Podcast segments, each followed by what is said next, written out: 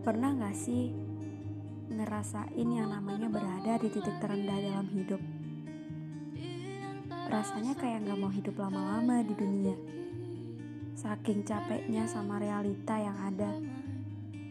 Merasa kalau dunia ini gak adil buat kita. Padahal sudah berusaha dan berdoa semaksimal mungkin.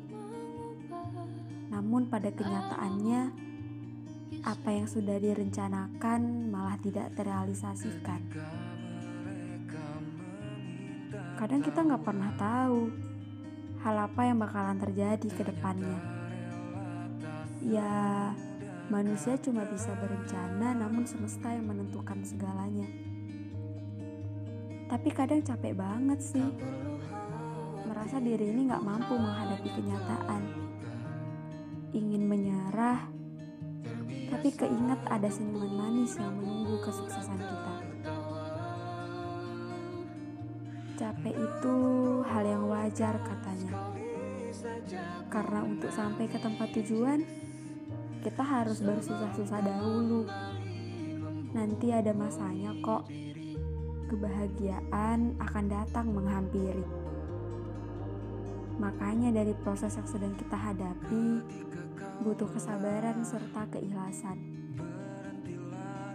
Gak semua apa yang kita mau harus tercapai sekarang. Kadang kita perlu usaha yang lebih keras lagi.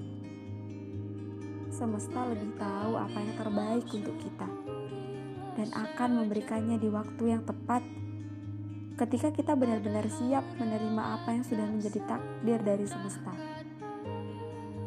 Gak apa-apa, istirahat aja dulu rehat sejenak untuk kembali memulai perjalanan yang penuh dengan kejutan.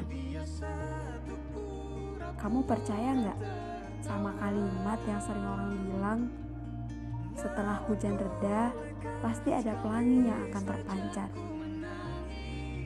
Maksudnya adalah setelah ada tangisan, pasti ada kebahagiaan.